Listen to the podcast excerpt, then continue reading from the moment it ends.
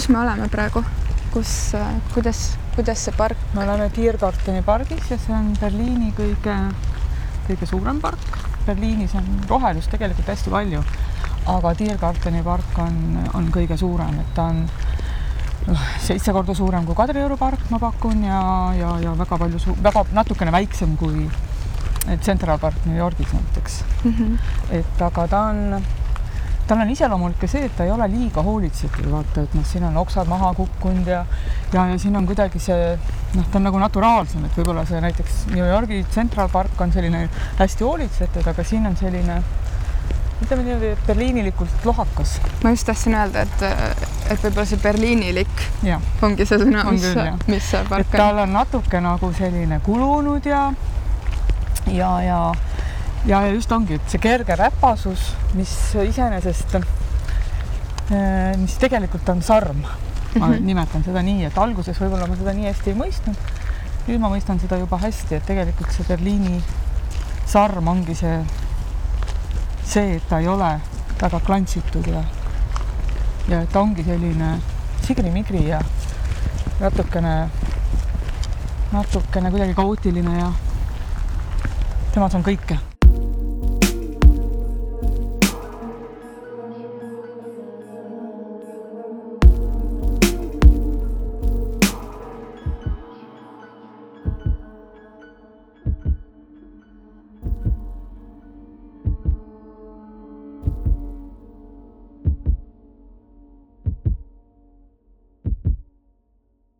Berliin äh, on koduks saanud nüüd, kas see on kodu, mis see kodu tähendab mm. sinu jaoks?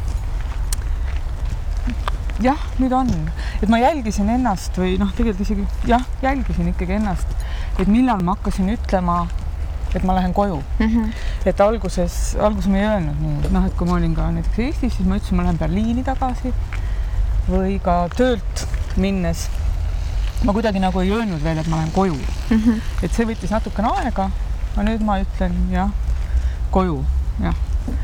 ja, ja mis veel ma ütlen, kui ma räägin kasvõi emaga või õega või lähedastega, ma ütlen teie ja meie. noh, et ma nüüd juba ütlen nagu teil seal, noh mm -hmm aga see tuleb iseenesest, see ei ole nii, et ma ju seda teadlikult ja siis ma nagu mingi hetk mõtlesingi, et, et ilmselt nüüd ma võin öelda jah, et, et, et Berliin on ikka kodu jah, muidugi. kuigi noh, samas ega Eestis, kui ma tuleksin Eestisse tagasi, oleks ju kohe seal mu kodu aga praegu on mu kodu siin. nii et äh, kõik, kes on hakanud kuulama meid, kuulevad meie samme ja võib-olla rattahelisid ja linnulaulu, siis äh, ma olen tulnud Berliini ja mul oli selline tunne, et äh, ma tulin tegelikult muus osas töö ja lõbureisile. mul oli selline tunne kuidagi, et ma tahaksin salvestada meie armastuse podcasti ühe osa Berliinis kellegi ja siis nüüd tuleb see sõna erilisega. ja siis ma hakkasin mõtlema, et, et kes see siis võiks olla, sest kuidagi, et ja ma tahtsin kindlasti, et see oleks keegi, keda ma ei tunne. aga siis on nagu see, et tavaliselt me ütleme eriline kellegi kohta, keda me juba tunneme, et sa oskad teda eriliseks pidada mingitel põhjustel. no vot, aga, aga sind ma ei tunne, me leppisime kokku, et me ütleme sina ja ikkagi see sõna eriline tekkis, nii et äh, tere, Merit Kopli. tere, tere. ja noh, sa ütled seda eriline, siis tegelikult äh, ma vist sulle ka kirjutasin vastuseks, et et see on kõige parem kompliment ja ilmselt see oli ka see, kuidas sa mu nii-öelda ära rääkisid, ilma et sa oleks pidanud seda väga palju vaeva nägema mm. -hmm. et äh, see on tore tegelikult, et ma ei tea, ma arvan, igaüks tahaks olla eriline yeah.. ei taha ju olla tavaline. vaata, mul tulid külmatäpid juba. nii et on käima, pestus on käima läinud. ei taha olla ju äh, äh, tavaline või keskpärane või selline, keda ei mäletata, et tahaks ju olla eriline, aga muidugi positiivses mõttes eriline, aga, aga, aga tegelikult ma ei tea, ma arvan, et inimese karisma, et inimese teeb eriliseks just see, et ta, et ta, ta ei ole nagu üdini võib-olla ainult positiivne, et temas on ka mingid kiiksud ja konksud ja see kuidagi teeb ta huvitavamaks. ja ma olen ka nõus. et äh, me oleme siin saates ka on läbi käinud see teema kuidagi, et, äh, et mina ei tahaks elada kogu aeg ainult päikese all. et kui ma seda vihma või, või tuult ei tunne, siis, siis läheb meelest ära, mis see, mis see soojus on, et see on samamoodi, ma arvan, kuidagi inimeseks olemise tahkudega ka. jah, tõenäoliselt nii on. kui äh, ma olin sinult juba jahhi saanud, siis tegelikult ma olen kunagi seitse aastat äh, Eesti Televisioonis töötanud ja ja igapäevaselt ennast kogu aeg meedia ja kõige toimuvaga kursis hoidnud, kuna mu töö nõudis seda. ja noh, ma tahtsin ise ka adekvaatne olla et, äh, et selles seltskonnas ja kõiges ilusti hakkama saada. ja mul on olnud nüüd see võimalus, et ma ei pea seda enam tegema igapäevaselt. Nii et äh, ma hakkasin pärast äh, sinu jahhi guugeldama mm., siis natukene sind onju. ja nii tore oli see, et, et äh, ma ei teadnud ka seda, et Joonas Ellermaa on sinuga Black Trummi salvestanud ja, ja. Joonas on minu äh, kursavend ah.. nii et äh, siis ma vaatasin selle saate järele ja mõtlesin, et ta rääkis ta nii mõnusatest asjadest. Äh, ja põnev oli kuulata seda. ja siis ma mõtlesin, et mina tahaks rääkida hoopis teistest asjadest väga õige, kahte ühte saadet pole mõtet ju täpselt kaks korda teha. ja nii et äh, vaatame, kus me siis täna siin pargis äh, jalutame või jõuame äh, kas sind hirmutas kuidagi see meie podcast'i nimi, sa polnud kuulnud sellest, me oleme nii noored armastusest? ja ma ei olnud kuulnud jah, et eks ma natukene kipun Eesti noh, niimoodi elust eemale jääma, et ma küll jälgin ju usinasti ja ja, ja uudiseid ka, noh, ma ei saa sellest, see on ilmselt ikkagi selle nii palju aastaid meedias, et ma jälgin kogu aeg kõike tegelikult, aga nüüd mul on lisaks veel Eesti uudistele jälgin Saksamaas hästi palju mm. -hmm. et, et selles mõttes on see mm, pilt veel segasem ja kirjum ja põnevam. aga ma tõesti ei teadnud sellest. mulle meeldis see nimi sest see on kuidagi aus, aus ja lihtne, ilma igasuguse keerutamata. Äh, ja see sümpatiseeris mulle mm.. et ma ei tea, kuidas see mõttekäik teil oli, aga, aga see just selles lihtsuses ja siiruses ongi see võlu antud ju minu arust, minu ja, jaoks. nii see mõttekäik oligi, lihtsalt äh, see nimi tihtipeale on inimesi hirmutanud, sest et armastus on nagu selline teema, mis, mis äh, noh, mingis mõttes selles I love you, I love you, I love you mõttes igal pool popkultuuris ja, ja ja mis iganes äh, väljundites on kuidagi väga igapäevane ja tavaline. aga nagu kuidagi see armastus, armastus on tihtipeale ikkagi ära ilusti kappi või riiulisse pandud, sest et äh, kuidagi tundub turvalisem sellest mitte rääkida. ta oli pigem intrigeeriv, ütleme nii. jah, ei. meil on äh, saates alati selline komme küsida et äh, mis on sinu esimene mälestus, mis seostub armastusega, on sul kuskilt võtta see, mis sulle meenub? no minu jaoks ta on ikkagi seotud emaga, ma, ma noh, mis siin salata, ma kuulasin mõnda saadet ja ma teadsin, et sa seda küsid. ja ma, ja ma mõtlesin, et, et ma ei nagu, mis siis, et teised võib-olla on seda juba öelnud. et minu jaoks minu jaoks ei ole armastus äh, ainult, ma arvan, kellegi jaoks ei ole see ainult ju äh, kahe mehe või naise või mehe ja mehe või naise ja naise vaheline, et ta on, äh, ta on ikkagi nii palju eriline ja nii, nii suurte, nii erinevate aspektide ja nüanssidega, et, et ma arvan, et ema armastus ikkagi on, on see esimene mm. -hmm. aga noh, kui rääkida nüüd sellest armastusest, mida võib-olla sina silmas pead rohkem. ma ei pea ühtegi armastust rohkem silmas kui mingit teist armastust. siis äh, jääme selle juurde, et, äh, et jah, esimene on ikkagi ema, et ma mäletan seda äh, hirmu. tegelikult ma isegi mäletan nagu, see oli kuidagi läbi, et ma kartsin kogu aeg, et emaga midagi juhtub mm. -hmm. ja, ja, ja see oli nii kohutav tunne, et ma selle kalli inimese kaotan või see hirm oli nii läbiv. ma arvan, et noh, see näitabki, et ta oli mulle nii tähtis mm. -hmm. aga nüüd, kui sa ise ema oled juba aastaid-aastaid onju, kas et..., kas sa oskad sellele kuidagi siis ema läbi ema silmade vaadata? no, nojah, ema armastus on ikkagi tegelikult üle kõige, et see tunne, mida sa tunned enda laste vastu, seda ei, seda tegelikult ei ületa mitte ükski armastus siin elus, arvan mina. Et et kuigi noh, ma olen hästi nii-öelda suure südamega, et ma armun hästi kergesti ja mulle meeldib olla armunud ja mulle meeldib armastada ja ja, ja kõik see tun-, tunded mulle väga meeldivad e,. aga, aga kõige noh, see on, see on nii isetu mm. -hmm. ja see on selline tunne, et, et sa oledki nagu noh, sa oled valmis surema, kui on vaja enda laste nimel. Et armastus laste vastu on, on võrreldamatu teiste tunnetega mm., mida ma ka armastuseks nimetan olgu see isamaa armastus, armastus abikaasa vastu. et eh, jah, armastus laste vastu on minu, minu mõistes kõige suurem, kõige tugevam tunne. kas äh, see võib kõlada natuke imelikult, see küsimus, sest et äh, mõndades peredes see on nii tavaline, teistes jälle mitte äh,. kas su lapsed teavad, et sa neid armastad? nii, et sa oled neile seda öelnud ja, korduvalt? ma ütlen neile alati seda mm. -hmm. ja me kirjutame, noh, praegu eelkõige Messengeris, ega noh, kõik niimoodi kiire nendel tööl ja minul ja siis me eh, noh, igapäevaselt ju telefoniga ei räägi, aga noh, Messengeris ikkagi regulaarselt ja mm -hmm. ja, ja siis alati me lõpetame sellega, et ma armastan sind.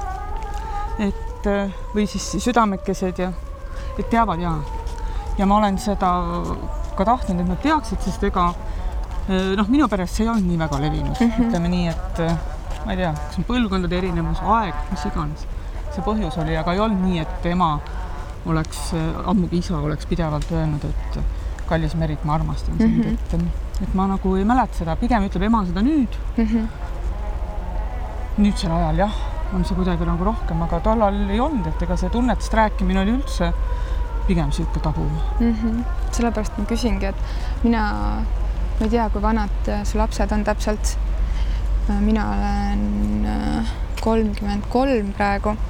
mul on küll selline tunne, et ma olen pool elu kuidagi igatsenud seda, et mu ema ütleks mulle, et ma armastan sind, sest ma tean, et ta armastab mind kindlasti. nii, nii oma ükskõik mingites žestides või noh, eestlased ju armastavad nii ka, et, et vanavanemad panevad sulle neid kartuleid, porgandeid ja moosi kaasa, onju no. et see on ka, ma armastan sind aga mul kuidagi tunne, et see minu niisugune põlvkond tahab äh, seda rohkem kuulda ja siis sealt nooremad edasi ka kuidagi veel rohkem, et, et ikkagi mingi avanemine on toimunud ehm,. muidugi on, kindlasti, et võrreldamatu on nagu noh, see kasvõi oma tunnete väljanäitamine noh, vanasti ja praegu, et praegu on seda palju rohkem ja see on väga hea, noh -hmm. ainult hea, et see on tore ja kui inimesed armastavad, nad peaksid uhked olema selle üle, õnnelikud ja teiste õnne näha on ka ju tore. isegi siis, kui sul endal võib-olla on raske ja see on vahet, vahel ka valus näha, et teised on ju õnnelikud. aga see tegelikult kokkuvõttes on ikkagi hea, on ju, et kui sa ise oled hästi õnnetu ja sa näed, et teised on õnnelikud. noh, võib-olla see isegi teeb haiget sulle korra. aga, aga teistpidi see on ikkagi tore milline ema sa oled, sa oled ju, ma ei tea, kas, mis pluss või miinusmärgiga või üldse, kas sellel sõnal peab märk ees olema, aga sa oled ju karjäärinaine olnud, on ju? Mul on tunne, et su lapsed on no, nii, ega... väga iseseisvad pidanud olema.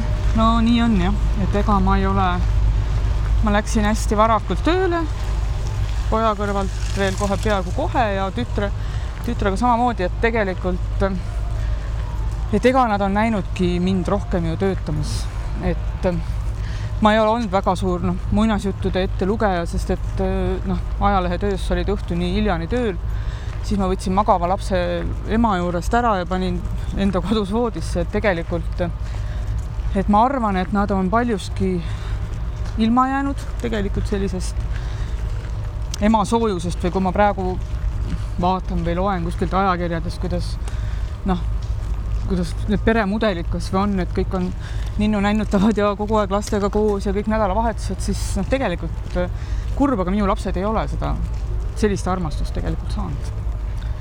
Aga samas ma valetan, kui ma ütlen, et ma seda väga kahetsen mm. -hmm.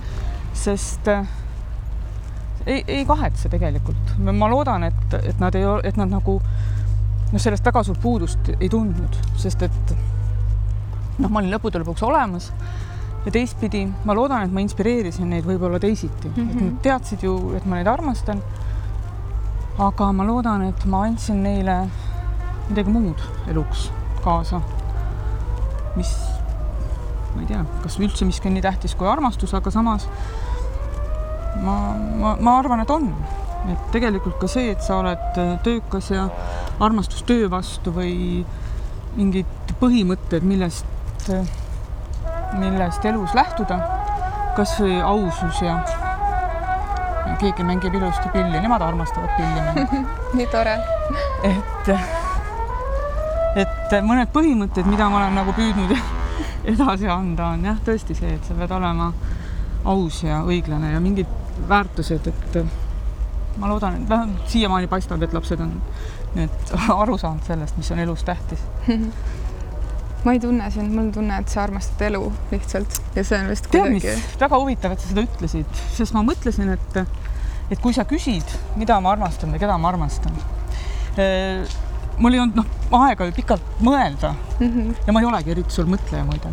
ma, ma kusjuures ma pean seda pigem enda plussiks, et, et ma ja siis ma mõtlesin, et ma vastan, et elu sest ma leidsin, et mul on jube raske vastata, mis iganes nagu noh, lapsed ja vanemad ja see pole see mm. -hmm. ma tegelikult äh, tõepoolest armastan elu. issand, kui hästi sa ütlesid, täitsa uskumatu, sa seda kuidagi nii, nii. kuigi see pole nagu noh, see pole ju midagi nüüd erakordset, et yeah. inimene armastab elu.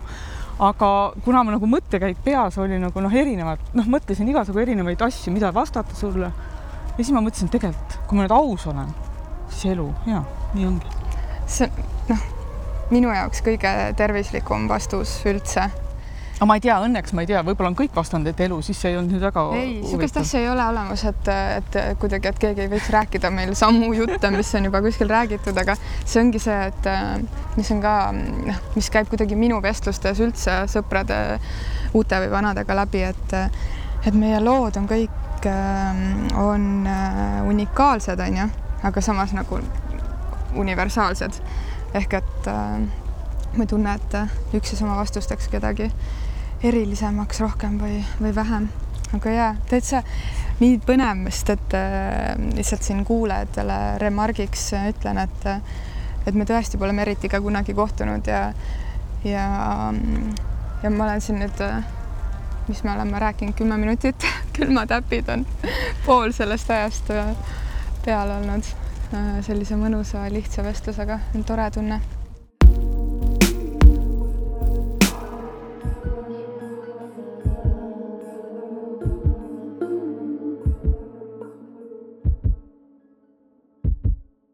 sa armud tihti, mis see tähendab? mulle meeldib see tunne ja ma, kuidas ma ütlen, ma isegi teadlikult vist tekitan endale selliseid olukordi. noh, see ei ole selline, et ma nüüd, et midagi juhtuks või toimuks või mm, -hmm. ja mulle, mulle lihtsalt meeldib see särin või see emotsioon või see selline mingisugune kire tunne või mingi, mulle meeldib tunnetada seda. ja ma noh, et ma olen nagu noh, lapsepõlvest saadik, tõesti algklassidest saadik, ma olen noh, nüüd viim-, nüüd, nüüd vähem märksa, aga kogu aeg elanud permanentses armumis, armumis seisundis, seisundis, just nimelt, et ma, ma nagu minu arust ma olen kogu aeg armastanud, olnud armunud ja mulle see väga meeldib, ma pean seda tegelikult hästi tähtsaks. et et see kuidagi rikastab või see annab sulle jõudu või energiat või mm, ka kuidagi aitab sul edasi liikuda, et, et minu arust inimest, inimestele tuleb kasuks olla armunud.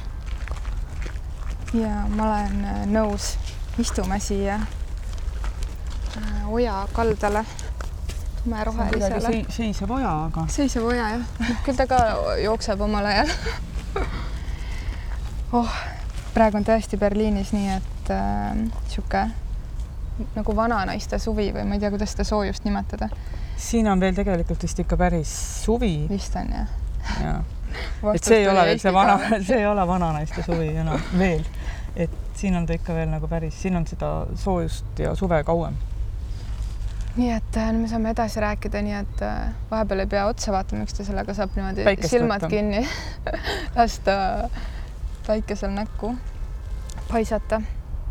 kui sa oled ise selline naine, kes äh, oma tööd on alati kuidagi kirglikult teinud, siis äh, mis on see, mis äh,, mis sinus kirge tekitab, ehk et siitsamast sellest armumise küsimusest äh, mis, mis sind kuidagi elu juures erutab ja mis on need asjad, mis sind käima panevad?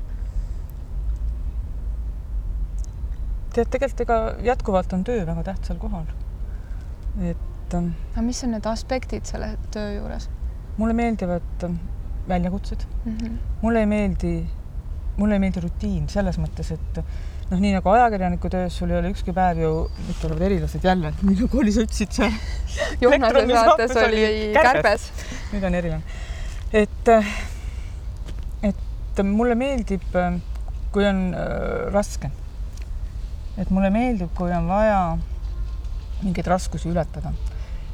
ja olukorrad, mis tuleb, kui midagi tuleb kergelt kätte, esiteks ma ei rõõmusta tulemuste üle või noh tunned ikka tore jah, aga, aga ma nagu ei ole sedasi ärevil, et õnnetundeks on mul vaja pingutada, see on jah, ma tahan, et oleks nagu raske ja et ma ületan mingeid, mingeid tõkkeid ja annan kuidagi endast rohkem võib-olla kui kui ma isegi nagu noh, olen plaaninud, et mulle mm, -hmm. mulle meeldivad keerulised olukorrad jätkuvalt ja mulle meeldivad uued olukorrad. mulle väga näiteks, ma ei tea, suurem osa inimesi ei naudi seda, et nad lähevad võõrasse seltskonda ja seisavad seal, ma ei tea, noh, lihtsalt seisadki ja kedagi ei tunne, mitte mm -hmm. kedagi ei tunne. mulle meeldivad need olukorrad. näiteks ma absoluutselt ei põe, kui ma olen ainukene võõras inimene kuskil seltskonnas. mulle, ma isegi naudin seda ja samamoodi ma näiteks kunagi ei põe, kui ma olen ainukene naine meeste seltskonnas, sellega ma olen juba seal Postimehes väga harjunud või Eesti meedias, et, et olingi sageli ainukene naine koosolekutel just. et ähm,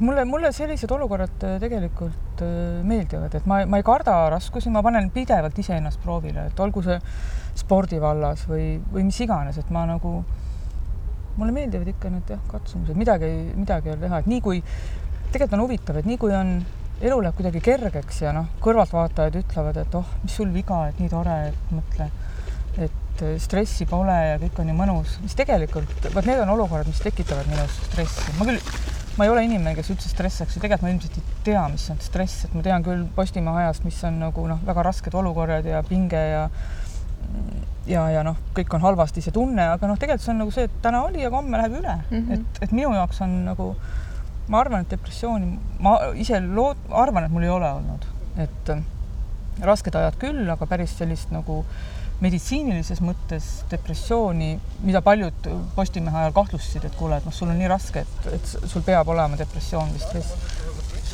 tegelikult nagu ei olnud. ma arvan, et ei olnud jah, et, et mind inspireerivad raskused ikkagi. kas sa oled jõuline? ma arvan küll, jah. ma arvan küll, et, et ega lapsedki ütlevad, et, et ma ei ole olnud selline pehme ja armastav, et minus on alati mingi selline ongi vist kas jõulisus või otsekohesus, mida ma jah arvan, et ja ma hindan ka inimestes otsekohesust, et mulle meeldib, kui, kui asjad on selged mm. -hmm. Ütleme nii, et kogemuslikult ma ei muutu ebaviisakaks seda tehes, et ma saan asju olla otsekoheselt ajada ka nii, et ma jään ise sealjuures viisakaks või et ma ei ole järsk või. aga olemuslikult äh, ilmselt olen jah ikkagi jõuline ja otsekohene. noh, ütleme, et kui pigem nagu nõrk, et, et ei ole jah. mul on täielik praegu sihuke mm, tundma õppimise intervjuu. aga see on väga hea, sest tegelikult tavaliselt ikkagi olen ennem noh, kui ma nagu, ma olen tegelikult andnud ju väga vähe intervjuusid, pole ka põhjust, mis sa noh, pole nagu olnud vajadust või. Et, et aga et on huvitav rääkida inimesega, kes sind ei tunne, ma pean mm -hmm. ütlema, et ka mul on palju põnevam, sest ma ei, ma ei tea üldse esiteks, mida sa tead, mida sa, vaat sa tuled ka nagu puhta lehena, ega sa nagu noh, sa ei tea ju, et mis, mis sind ees ootab, üks on see, mida sa loed või näed kuskil onju, aga tegelikult kes, kes siis see Merit nagu päriselt on mm -hmm. või mis ta tuleb, tegelikult ega ei tea ju. tore. mul äh, kuna ma ise olen ka selle ajakirjanduse sees mingil määral niimoodi teles töötades olnud, et ähm, et ma tohutult hindan ajakirjanikke, kes äh, teevad meeletu eeltöö ära äh, enne, kui nad kohtuvad kellegagi ja mingites formaatides see ongi noh, ainuke variant, kuidas, kuidas asjad saavad olla. Ja, ja see meie podcast minu jaoks ongi võimalus kuidagi, kuna me räägime inimeseks olemisest, siis äh, ma ei tahagi tegelikult väga mm -hmm. palju enne teada, sellepärast et äh, muidu sa lihtsalt kuidagi selles vestluses juba langed mingitesse stampidesse või, või mingitesse küsimustesse, mida on korduvalt küsitud. et äh, tunnen äh, jah, kuidagi seda meie, meie armastuse podcast'i tehas, et me oleme tahtnud luua midagi sellist, mis on sõltumatu teiste soovitustest ja, ja, ja arvamustest ja siis saabki ise läheneda täpselt nii, nagu läheneme. aga selle jõulisusega äh, tekkis selline küsimus, et, et, et kui sa ütled, et sa oled jõuline naine, kas, millised äh, lähema ringi inimesed sul ümber on, kas sul on, äh, mul on abikaasa, sõbrannad? abikaasa on lähedane.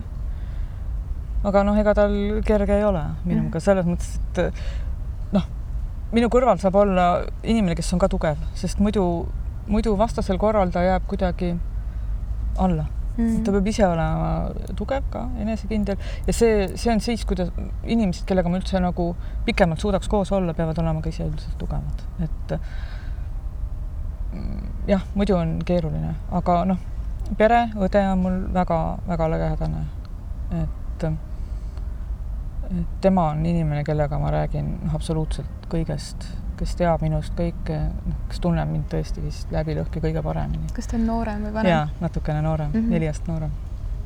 et äh, aga tema on mulle väga lähedane, tema teab kõiki minu plusse ja miinuseid ja armastab mind hoolimata kõigest. Nii ilus. Et, et ega ma ei ole noh, nagu öeldud, ma ei ole selline ütleme pehme, soe, hea. noh, kes oleks üdini nagu noh, hea, ma küll, ma ise arvan, et ma tegelikult olen hea selles mõttes, et ma ei taha kunagi ühelegi inimesele halba mm, -hmm. seda mitte kunagi. et ähm, isegi mitte nagu nii, et kuskilt sajatades, et, et sul läheks kuidagi, et ei, ma tegelikult äh, tahangi inimestele head ja siiralt tahan head kõikidele, et ma, ma ei ole nagu kindlasti pahatahtlik, aga ma ei ole samas selline ninnu-nännu, ninnu-nännu ma ei ole jah, et ma olen ikkagi nagu noh, ka sõbrad kõik noh, nad teavad, et kui nad minu käest nõu küsivad, siis mina ei ole see, kes noh, hakkab rääkima pikka juttu, kui ilus ja tark ja tore sa oled, et ma üldiselt ikkagi ütlen nii, nagu asjad on ja, ja nad hindavad seda, ma loodan. ma ise hindan ka seda, kuigi vahel ma tahaks ikkagi, et keegi ütleb, et sa oled tark ja ilus ja seda ka, aga, aga noh. kas sa küsid siis seda? kelleltki, ütle mulle. ei, ausalt öeldes, kui sa nii küsid, siis ega ma vist ei ole seda kunagi küsinud. mul on kuidagi, ähm, kuidagi see tekkinud äh, aastatega, et et kui universumis on siis mingisugused, ma ei tea, skeemid või, või valemid, et äh, nii tugevalt kuidagi usun sellesse, et äh, tuleb küsida kõike, et isegi kui see on nagu, ma ei tea, maja mere ääres või või parem töökoht või hingerahu või, või see, et, et sa ütleksid mulle, et ma näen hea välja mm, -hmm. aga sa ei ütle, onju. ja mul oleks praegu nii vaja teada, siis ma küsiks, et. küsid ise? jah, et see on kuidagi mingi selline asi. mul on tunne, et paljud, paljud inimesed kuidagi ei ela oma elu täisväärtuslikult tihti just sellepärast, et nad kuidagi elult ei oska küsida. ma ei küsi tõepoolest, kui sa nii, kui nagu ütled või kui ma nii nagu sedasi mõtlen, nagu sina ütled, et et ma ei, ma tõesti jah, ei küsi.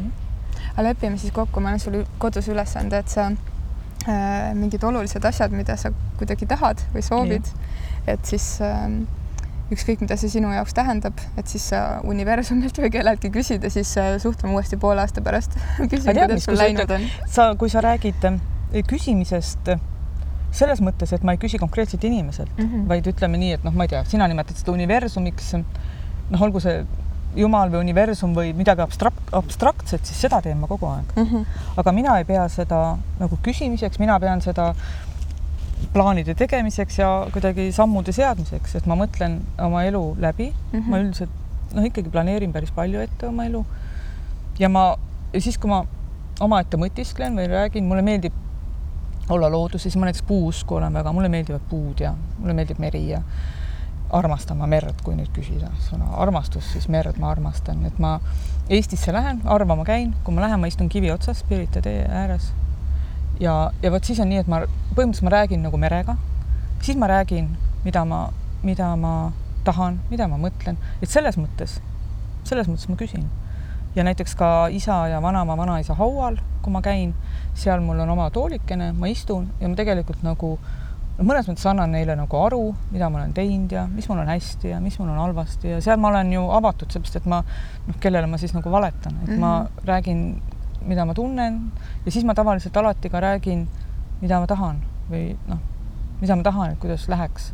et selles mõttes, kui sa ütled nagu universumilt küsimist, siis seda ma teen mm, -hmm. aga ma ei tee teistelt inimestelt, ma ei küsi eriti teistelt inimestelt, võib-olla tõesti jah. Mul on tunne, et mõnikord äh, või noh, see universum võibki tähendada ühel hetkel ka teist inimest, on ju. et äh, seal on ka mingid ägedad äh, lukud, mis võivad nagu lahti krõksuda, sest mõnikord need äh, inimesed tahavad ka meid aidata, aga nad ei saa, kui nii-öelda ei küsita. nii et no ühesõnaga niisugune mõte siia vahele äh,. mul väga, väga kõnetab praegu see, mis sa ütlesid, et kui sa käid haual, et sa, et sa räägid nii-öelda oma juurtega, onju sellega, kust sa pärit oled ja ja pead seda oluliseks, sest et äh, minu jaoks see on üks väga oluline asi, mis teeb inimese tugevaks.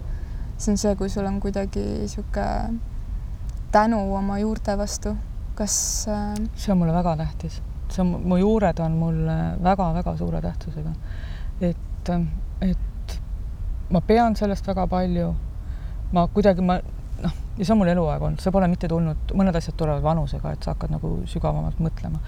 aga mul kuidagi minu esivanemad, kõik need, mis nad on teinud, on minu jaoks hästi tähtis. Ja ma kuidagi nagu, esiteks ma ammutan sealt jõudu, ma saan näiteks ka surnuaias nendega rääkides, ma tõesti tunnen, kuidas ma saan jõudu, sest et ja mul on kuidagi mingi abstraktne usk, et nad kuidagi nagu noh, hoiavad või kaitsevad või, või ja nad on andnud mulle noh, kasvõi enda geenidest, geenidega palju ja et ma olen tänulik nendele juurtele, oma esivanematele ja ma, ma mõtlen nende peale tihti.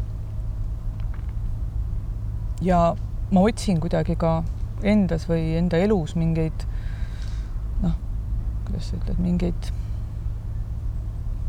põhjuseid, miks ma midagi teen ja ma lähen siis oma mõtetes tagasi ikkagi juba ka oma esivanemate juurde ja ja, ja mingeid ka lapsi vaadates ma mõtlen, et noh, et kus nad selle on saanud või, või kuidagi nagu ja ma nendele ka hästi palju viin neid vanade talukohtade peale ja et nad seal ka noh, mõtleksid ja teaksid, kust nad tulevad, et et see juurte teema on mulle tähtis ja võib-olla see on nagu noh, kui ma Eestisse lähen, siis tegelikult noh kas nüüd esimese asjana, üks, mis me teeme, on mere äärde ja teine on alati haua peal, et need on nagu kaks noh, ja loomulikult siis elavate inimeste juurde ka, eks ju, õed ja ema ja lapsed loomulikult, aga, aga, aga ikkagi need on need niisugused kaks nagu pühakohta on meri ja meri ja ikkagi ka surnuaed.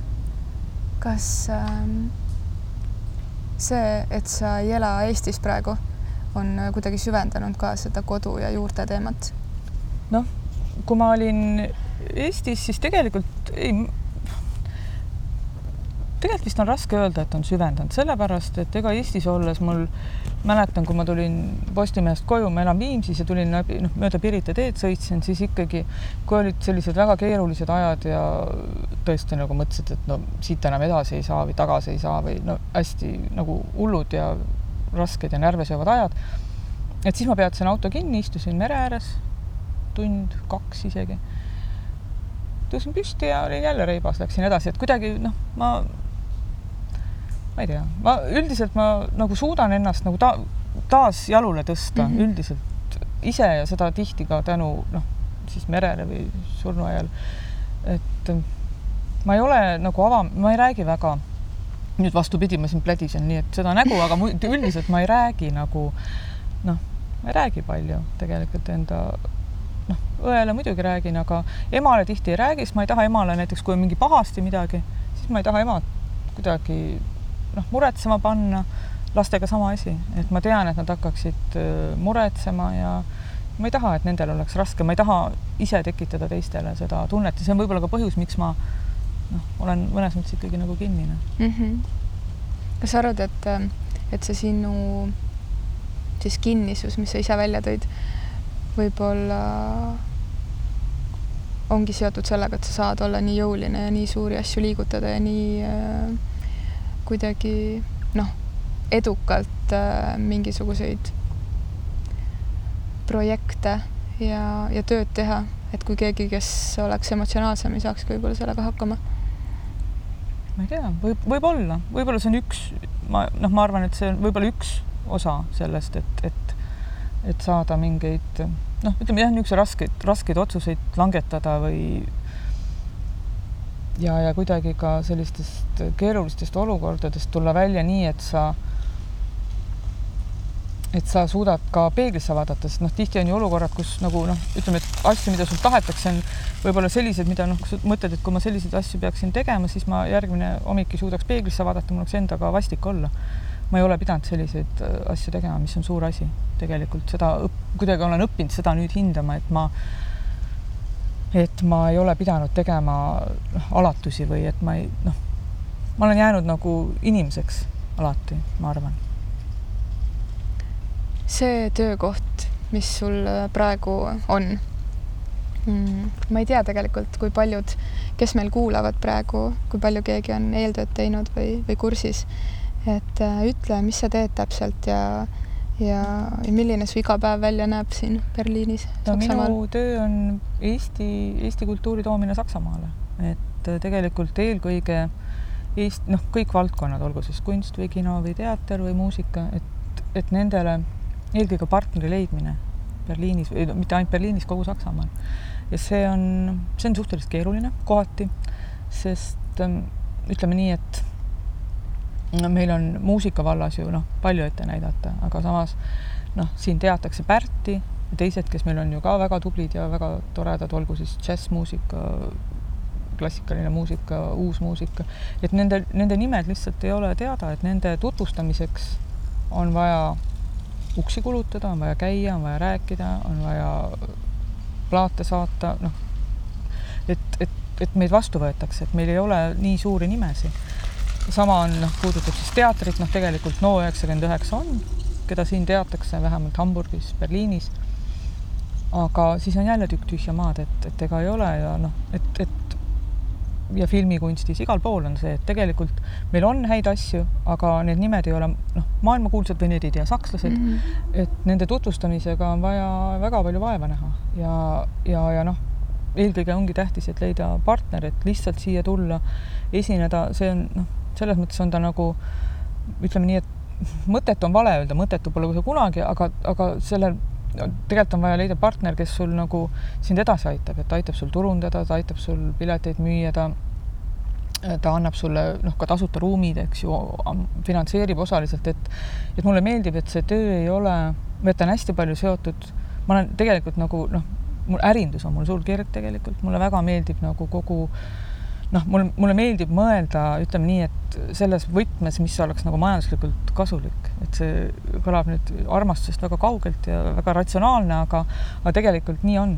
et noh, et sa pead nagu mõtlema, mis on, kui ma siia toon näiteks mingi muusikagrupi, et mis oleks temale kasulik, et mul toon ta siia ja kui ainult ütleme noh, kasvõi viiskümmend inimest neid näeb, aga sellest mitte midagi edasi ei juhtu, siis tegelikult tore oli, aga noh, selleks, et neil midagi edasi juhtuks, on vaja see, et ma kutsun kohale siit Saksa suurte festivalide, ütleme, korraldajad, kellele nad võiksid huvi pakkuda, meedia esindajad, et ma nagu mõtlen hoolega läbi selle, et mis oleks järgmine samm, et nad ei tuleks siia ja läheks koju tagasi ja kõik, et nad saaksid siit siis juba kas järgmise kutse, et nad et neil noh, nende vastu tekiks huvi, selleks on vaja õiged inimesed kohale kutsuda, noh, selles mõttes teha ikkagi nagu teadlikult tööd. noh, et et mulle nagu ütleme, et ma olen, kui jälle armastusse, siis mulle üldiselt armastan Excelit, et mulle, mulle meeldib see, kui asjad on ka kuidagi süsteemis. ja ma kuidagi, on mõõdetavad ka mm -hmm. või et, et ähm, ma noh, ongi ega paljudel kultuuriinimestel on võib-olla noh, ongi mõnikord raske mõista seda, et noh, et, et noh, kui mina räägin sellistest, sellistes kategooriates, et noh, et, et kui on kunstiga, et neid tuleb ju ka müüa või, või noh, et kui on näiteks filmikunst, et noh, saada nad noh, kasvõi festivalidele, et noh, et tegelikult need, see järgmine samm peab olema ka ette mõeldud ma ei tea, läks nüüd kuidagi liiga selliseks ei, üldse ei läinud. Exceliks kätte, aga, aga ühesõnaga, et ma nagu, ma hindan seda, et kui on süsteem, kui on näha tulemus ja kui, kui on teada ka järgmine samm ja et sa oled läbi mõelnud selle, milleks see kasulik on ja kellele see kasulik on. et teha asju sellepärast, et on lihtsalt tore. Vahel võib ja teen ka, aga, aga üldiselt ma püüaks teha selliseid kvaliteetseid asju, millel on mingi jätkuv jätkusuutlikkus või jätkutulemus mm. -hmm. minu jaoks üldse, minu jaoks raha on täpselt samasugune asi nagu armastus, päriselt. ja see võib kõlada kuidagi, ma ei tea, kas esoteeriliselt või ükskõik kuidas, mul, mul silm ei pilgu ka, kui, kui keegi paneb mind mingisugusesse kasti või patta, sest et ma ise ei tunne, et ma oleks kuskil kastis. aga tihtipeale, kuna ma annan ka joogatunde ja teen teetseremooniaid et siis, kui me näiteks pärast vestleme või arutleme kuidagi mingisugustel teemadel ja tuleb jutuks raha, siis mina ütlen alati, et mulle nii tohutult äh, meeldib raha, mulle meeldib raha saada, mulle meeldib raha ära anda sinna, kus ma tunnen, et ta võiks anda, mulle meeldib. Ja minu jaoks raha on täpselt samasugune energia, et ta tuleb hoida liikumises, peab kuidagi liikuma õigeid ja tarkasid äh, teid pidi ja et raha on alati äh, piisavalt maailmas, aga lihtsalt oleneb, et kus ta parasjagu on mm, -hmm. et mhm. tuleb ta liigutada õigesse kohta. et, ähm, et see aeg ja koht saaksid kokku. et äh, selles mõttes mind, mind väga mm, kõnetab see, mis sa rääkisid ja ma pean väga oluliseks seda. ja, ja kui, kui rääkida kultuurist, on ju et siis äh, heas mõttes äh, sellistel boheemlaslikel äh, kultuurnikutel ongi ju vaja sellist äh, tarka ärinaist meest või inimest, ükskõik keda kõrvale, kes, kes äh, kes äh, aitab seda, kes mõistab, mida tehakse, on ju, ja tunneb kirge selle vastu, et seda kunsti siis edendada. no tegelikult on see ju nende, nende nimel ja noh, et, et nende, et neile hästi läheks, et ja ega nad saavad ju lõpuks ka aru, noh, et, et aga noh, võib-olla mõned ka ei saa, aga noh, nii ta ongi, et ega alati ju ei saa. ja mul on ka teine, üks tõrge on mul veel on see, et kuna ma tulen ikkagi era, eraärist, kus iga senti loeti ja ma, mul on väga raske teha nagu mingeid otsuseid, kus oleks maksumaksja raha mm -hmm. raiskamine. et see oleks minu jaoks nagu äärmiselt vastutustundetu ja ma, ma ei kujuta ette, et ma teeksin mingi liigutuse. noh, sellepärast ma mõtlen need liigutused veel kuidagi topelt läbi, et ma tean, et tegelikult noh, väike on Eesti riik, eks ju, kui vähe meil on maksumaksjaid ja ma, ma tunneksin ennast nagu äärmiselt ebaeetilisena ja äärmiselt halvasti, kui ma peaksin maksumaksja raha kulutama valesti. Ja see oleks minul nagu noh, ma ei kujuta ette, mul oleks, ma ei tea, mul oleks häbi, hästi häbi, et äh, eriti maksumaksja rahaga kuidagi tegeledes peame mõtlema seda, kuidas, kuidas seda kõige paremini Eesti riigi jaoks kulutada, et see ei oleks mitte raisatud raha. ja selles võtmes ma väga palju mõtlen, ma ei tea, kas see on seotud sellega, et ma tulen eraettevõtlusest, võib-olla see on lihtsalt kuidagi, mulle tundub, et see oleks lihtsalt ebaeetiline, kui ma kui ma maksumaksja raha raiskaks, sest et no eriti siin olles sa näed, kui väike on Eesti ja tegelikult nagu mõtledki, et Eesti, Eesti inimesed on, ükskord ma mõtlesingi, et vana-aasta õhtul on Brandenburgi väravatest kuni sinna Siegessäuleni ja miljon inimest, on praktiliselt ongi terve Eesti, on selle ühe lõigu peal mm -hmm. koos, eks ju.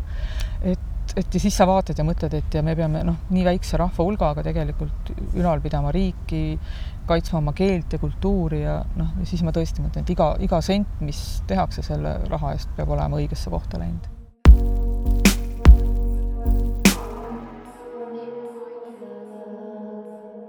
kas sa armastad oma tööd, sest et äh, kui äh, Joonasega Plektrumi intervjuu oli, siis äh, see oli hetk enne, kui sa tulid Berliini Nii. ja sa tegelikult ei teadnud, mis sind ees ootab. ja nüüd on sellest paar aastat möödas, on ju, et ähm, armastan ja väga armastan.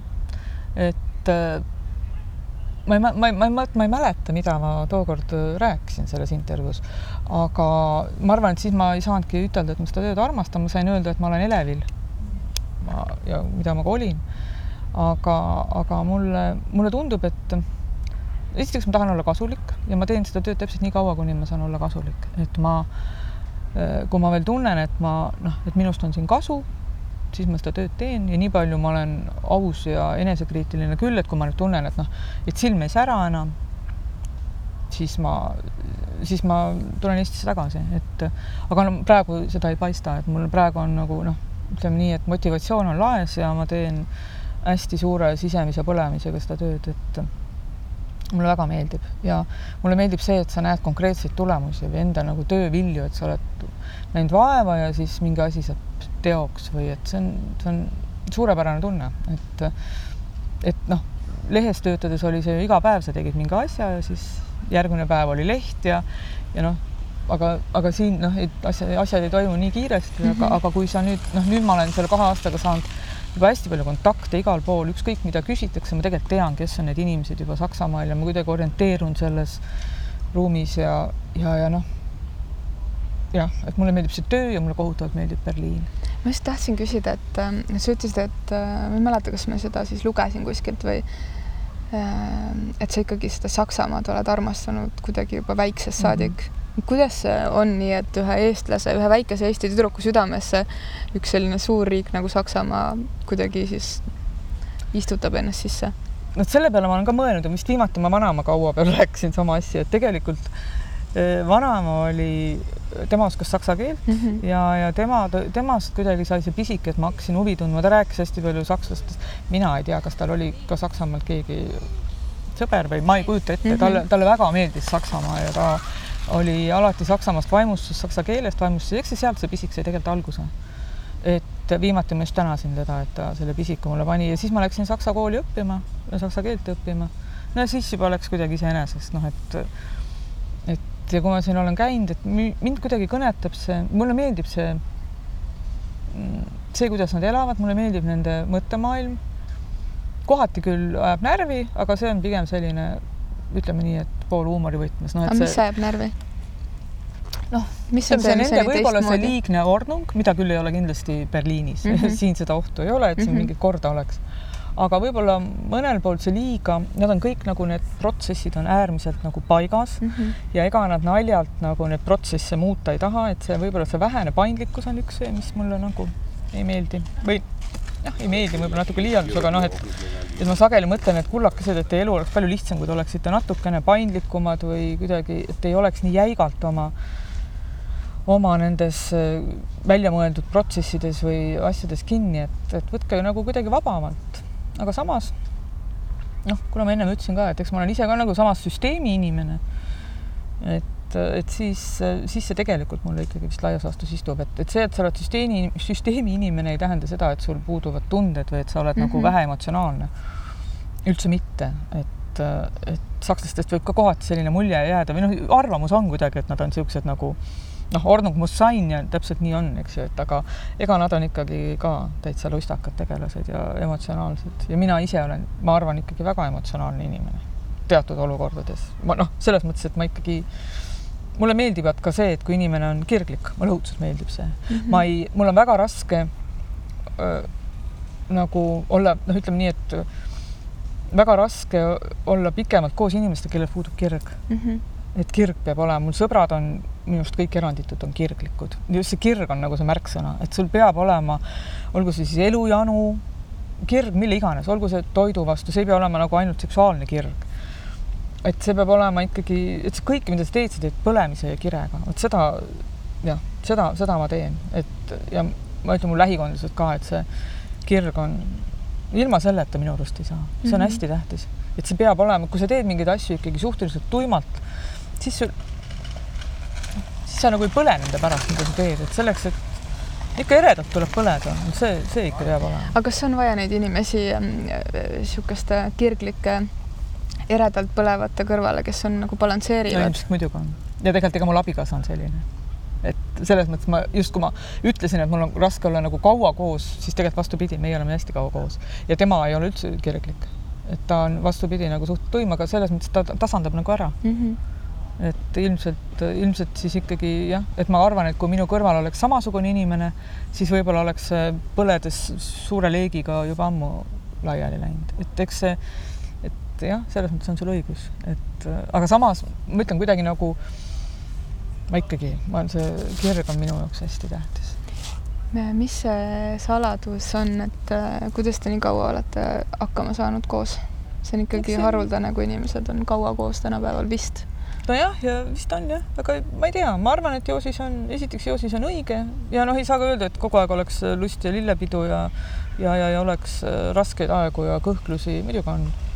aga noh, samas ühtepidi mõtlengi seda, et ma ei teagi, kas, mis asi see on. et noh, on hoolimine, on tegelikult see, et sa tõesti nagu hoolid ja tahad, et hästi läheks.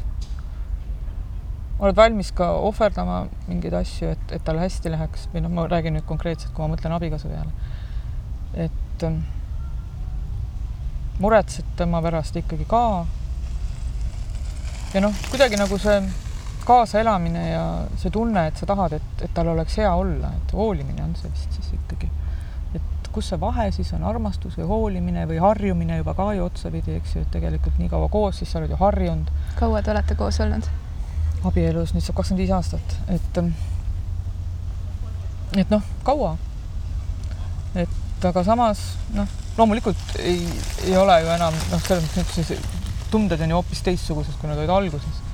samas on nagu tore, et on keegi olemas ja kui sa tead, et sul on inimene, kes, kes sind peab maailma kõiges, peab sind maailmas kõige tähtsamaks ja kes sind tõsiselt armastab. ja on valmis sinu nimel ükskõik mida tegema, et see, see tunne on tegelikult hea tunne.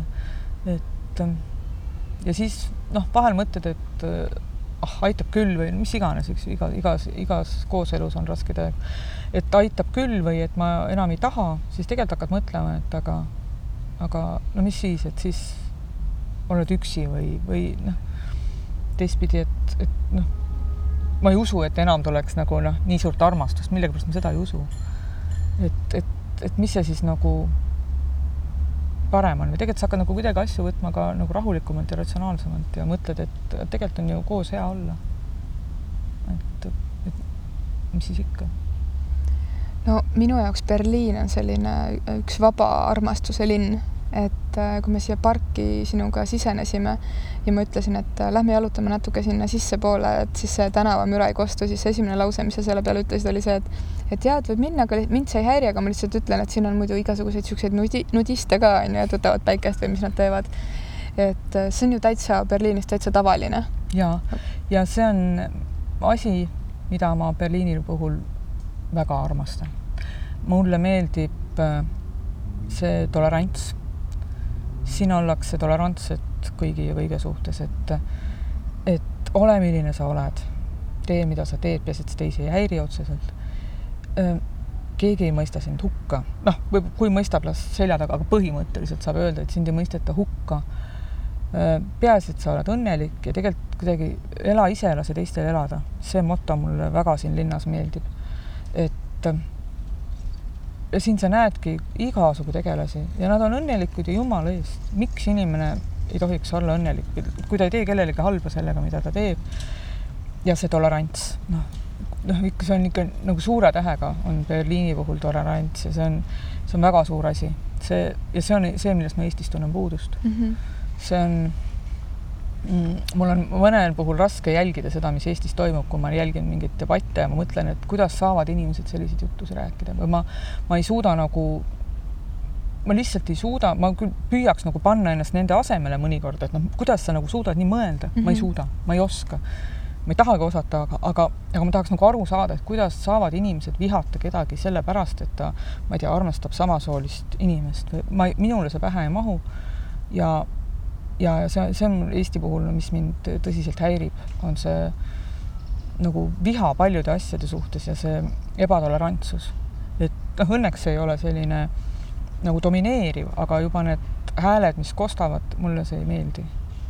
ja see on see põhjus, miks ma tunnen ennast Berliinis väga hästi, sest jah, ma olen ise hästi tolerantne inimene ja ma nagu aktsepteerin kõike, mida inimesed teevad, peaasi tõesti, et nad teistele viga ei tee mm, -hmm. aga muus osas peaasi, et on õnnelikud tegelikult see, see, see ongi kõige tähtsam. on sul mingeid soovitusi niimoodi distantsilt vaadates, ma ei tea, poliitikutele Eestile või kuidas, ma ei tea, meedia osas on ju, et meedia ikkagi noh, sa ise tead kõige rohkem, ikkagi loob äh, pilti väga suurt, on ju, ja on üks suur äh, manipulaator selles mõttes äh, heas või halvas, ükskõik mis mõttes loob, loob pilti tavainimesele et mis me, mida me muuta saame, mida me saame kodus teha teistmoodi, et tolerantsemaks muutuks meie riik? aga ega see vist ei tule niimoodi nipsti. see ei ole nii, et hakkame, see on, esiteks on see ilmselt, ühiskond on võib-olla ikkagi veel noor, noh, ongi noor, vaba ühiskond, noor. et mulle tundub, et see on mõnes mõttes on see nagu lastehaigus, mis võib-olla tulebki läbi elada. võib-olla on oma osa sellel ka meie geograafilisel asendil, et me oleme seal nagu kuidagi nurgas ja natukene ära lõigatud. Et millest tekivad oma, omaette mingid kompleksid, võib-olla on see, et eelnev vana, eelmine põlvkond on veel siiski väga vanas kinni. et ähm, mulle tundub küll, et kui ma vaatan noort põlvkonda, et ma, ma arvan, et sealt tuleb hoopis parem pilt selles mõttes, et et nii palju, kui ma olen noori näinud, siis noh, minu arust on nad peaaegu eranditult on tolerantsed ja, ja, ja selles mõttes nagu uuele avatud ja ja, ja inimlikud ja, ja, ja noh, selles mõttes ma olen nagu lootusrikas, aga noh, et ei tea, eks see ajalugu noh, tegelikult eks neid aspekte, miks, miks me sellised oleme, on nii palju ja ma arvan, et siin ei ole sellist ühest, ühest reeglit, et kuidas kuidas nipsti seda ühiskonda muuta, eks see tuleb kuidagi ajaga ja ma usun, et ta tuleb, kus ta kus ta pääseb, aga aga ikkagi praegu on natukene valus vaadata, eriti siin Euroopa keskel olles ja Berliinis olles ja et aga noh, ma ikkagi mõtlen, et läheb, küll ta, küll ta varsti läheb paremaks. aga meediapildi mõttes ma korraks veel küsin, et kas meil on puudu mingisugune, ma ei tea, ajaleht, ajakiri, mingisugune äh, mingi väljund ajakirjanduslikus plaanis, ükskõik kas teles, raadios, paberil, veebis, mis kuidagi seda ühiskonda avaks. Tegelikult on ju nii palju erinevaid asju, ma, ma nagu, ma mõtlen, et noh, tegelikult on meil meediat rohkem kui tavaliselt nii väikses riigis mm -hmm. üldse on või sellise nii väikse elanikkonnaga riigis üldse. aga paljud nagu kattuvad oma kattuvad väga palju, tegelikult on niimoodi, et noh, enam ma, kuna ma enam noh, ma jälgin ju muidugi, aga ma noh, enam ei vaata selle pilguga, et mida tegi Postimees või mida tegi Päevaleht või Ekspress, et ma kuidagi nagu võtan seda meediat nagu tervikuna, et neid kattuvusi on muidugi kohutavalt, aga noh, samas noh, see on ütleme nii, et niikaua, kui see ärina ennast välja veab ja niikaua, kui inimesed leiavad, et seda on vaja teha ja niikaua, kui on publikut kõigele sellele, noh, niikaua kui on nõudlust, tegelikult niikaua on ka pakkumist, et, et noh, ega see lõpuks ongi nii, et kindlasti üks väljaanne ju varem või hiljem või kaks või kolm lihtsalt ei pea vastu, et nõudlust ei ole ja siis lõpeb ka see pakkumine, et eks, eks selle paneb, ütleme nii, et turumajandus niikuinii paika ja ma arvan, et suhteliselt kiiresti või lähiaastatel. et mm, ma ei oska nagu öelda, noh, selles mõttes ma, mina, mul on raske olla meedia suhtes kriitiline, et ma, ma tegelikult nagu, kuna ma liiga palju tean seda, kuidas asjad toimuvad, siis ma, siis ma, ma tegelikult ei taha teha meediale väga palju etteheiteid, et ma arvan, et et jälle tegelikult ilmselt täpselt sellisele, sellistele väljaannetele ongi publikut, kui nad ju ostavad, kui nad ju tellivad, siis mõnes mõttes see ikkagi, kuigi meedia peaks olema ka see, kes inimesi harib ja harib ja ja kuidagi nende maailmapildi avardab, siis paratamatult sa hakkad tegema ikkagi väljaannet, mida sult oodatakse ja see on mhm. natuke tihti on see noh, vastuolus.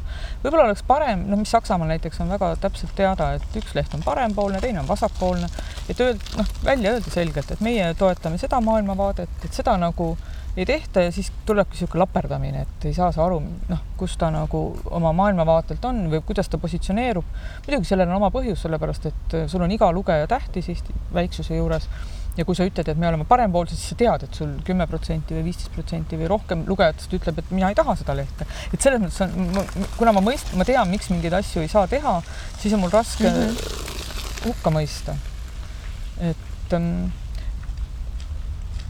ja mul on ka raske öelda, et miks, mis, mida veel oleks vaja, sellepärast et võib-olla ma, võib-olla, võib-olla neid asju juba on, ega ma kõike ju ei tea ka, mis on. Eesti on nii väike, eesti keelt kõnelevaid inimesi on maailmas väga vähe ja siis meie teeme sellist väikest podcast'i, mis sa arvad, kas see kuidagi, kas see on äh, piisk merre või kas see... aga tegelikult on selline, see ongi minu arust tore, et on, on väikseid asju ka.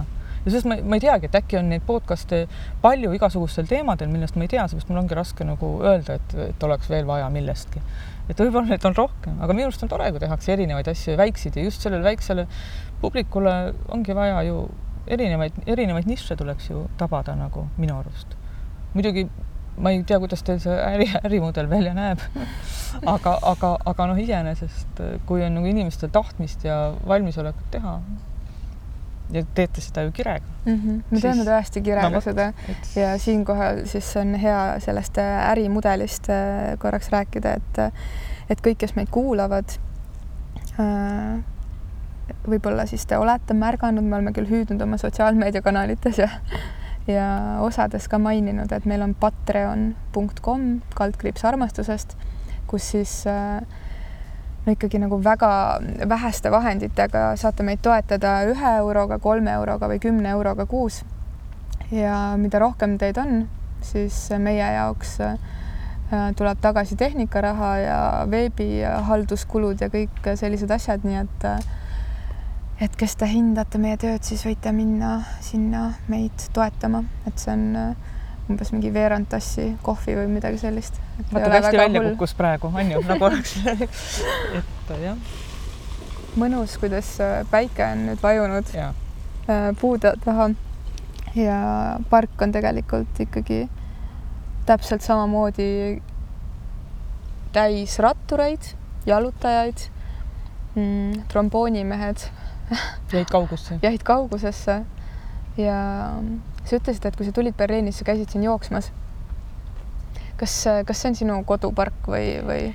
ta, on saatkonnale hästi lähedal mm, -hmm. et ma käisingi kas siis pärast tööd, pärast tööd või lõuna ajal või hommikul aga see muutus natukene selles mõttes närviseks, et iga kord sa pidi pärast minema duši alla ja kogu see asi võttis ikkagi lõpuks nii palju aega, et ma tegelikult nüüd enam pole siin pargis e, eriti käinud, et mul on kodu lähedal paremaid kohti mm, -hmm. kus ma käin, et e, ja üldse, kuna ma jooksin endal kannad katki, siis ma nüüd olen nagu jooksmisega, jooksen väikseid maid ja enam nii palju ei jookse.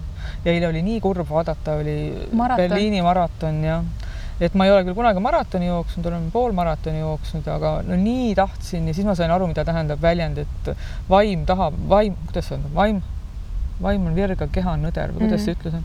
et, et noh, tegelikult nii kisuks jooksma, noh, nii väga tahaks joosta, et see on ka, mis mul, mida ma armastan, kui midagi küsida, siis tegelikult sport on kindlasti see, mida ma väga armastan. et jah, mulle, mulle see kohe väga meeldib, ilma ma ei kujuta oma elu ette üldse. Et sport on väga-väga tähtis mulle, et see on, et, et tegelikult on ikkagi nii, et kui sa, minul näiteks ma, ma isegi nagu mõte ei tööta või ma, või ma ei ole nagu enda ülesannete kõrgusel, kui ma ei ole saanud sporti teha. et see on mulle tähtis ja minul käivad nad väga käsikäes, et kui ma kui ma sporti ei tee, siis ma kuidagi nagu muutub vaim ka nagu närtsib ära natukene mm -hmm. või mingi virgus jääb puudu või mingi särtsakus või krapsakus jääb puudu. et mul on see vaimu värskus on kuidagi väga seotud sellega, et kuidas ma nagu oma keha keha eest ka hoolitsen, et see on, käivad käsikäes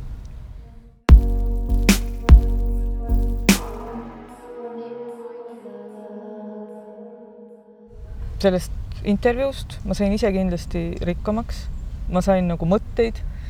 Ja kuna ma olen pealiskaudne inimene, mis, mis mõnes mõttes, mis korra mainisin, tegelikult nagu ma ise pean suureks plussiks, sest et kui sa lähed, ühtepidi see kõlab jõle hästi nagu isegi natuke nagu ülbelt või kuidagi nagu eriti nõmedalt veel niikuinii, aga et kui sa ütled, et ma olen pealiskaudne, et oi, see on nii tore, et tegelikult kui sa nagu lähed igas asjas väga sügavuti, siis see kuidagi nagu noh, see natukene nagu pidurdab sul kuidagi minekut, et ma olen küll Berliinis muutunud märksa sügavamaks, kui ma varem olin, sest et ajakirjanduses, noh, seal oli tõesti, et see nagu noh, nagu ralliauto, no mida sa seal süvitsi lähed, et sul ei ole võimalik seal hakata kuidagi nagu isegi sul nüüd aega mõelda, noh, et niimoodi pikalt mm, -hmm. et mhm. nüüd ma mõtlen, et siin on mul selleks nagu rohkem aega olnud ja ma olen väga noh, ajaloohuviliseks muutunud näiteks siin Berliinis, et siin on ju iga kivi ja känd ja maja nagunii räägib mingit lugu. et, et et noh, võib-olla ja olen ka natuke rohkem saanud mõelda, aga, aga üldiselt, et kui ma võtaksin kõiki asju väga tõsiselt, näiteks ka seda, et ükskõik, mitte seda, selles mõttes näiteks, et kui ma võtaksin asju tõsiselt, siis see, siis see tegelikult, kuidas ma ütlen, liigne tõsidus minu jaoks ikkagi on pidur, et ma pean võtma asju nagu natukene laadamalt ja kergemalt mulle meeldib niimoodi. ma ei taha olla, no ma kardan, ma muutuksin nukrameelseks mingites kohtades või ma jääksin kuidagi mingitesse mõtetesse vangi. et mul on kergem, endal kergem elada, kui ma ei lähe nagu, vaata võib-olla mõnel puhul liiga sügavusse.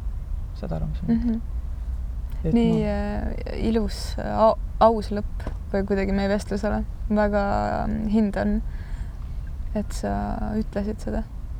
kuidagi ilus no vot, järelikult sa oskad inimesi avada. Aitäh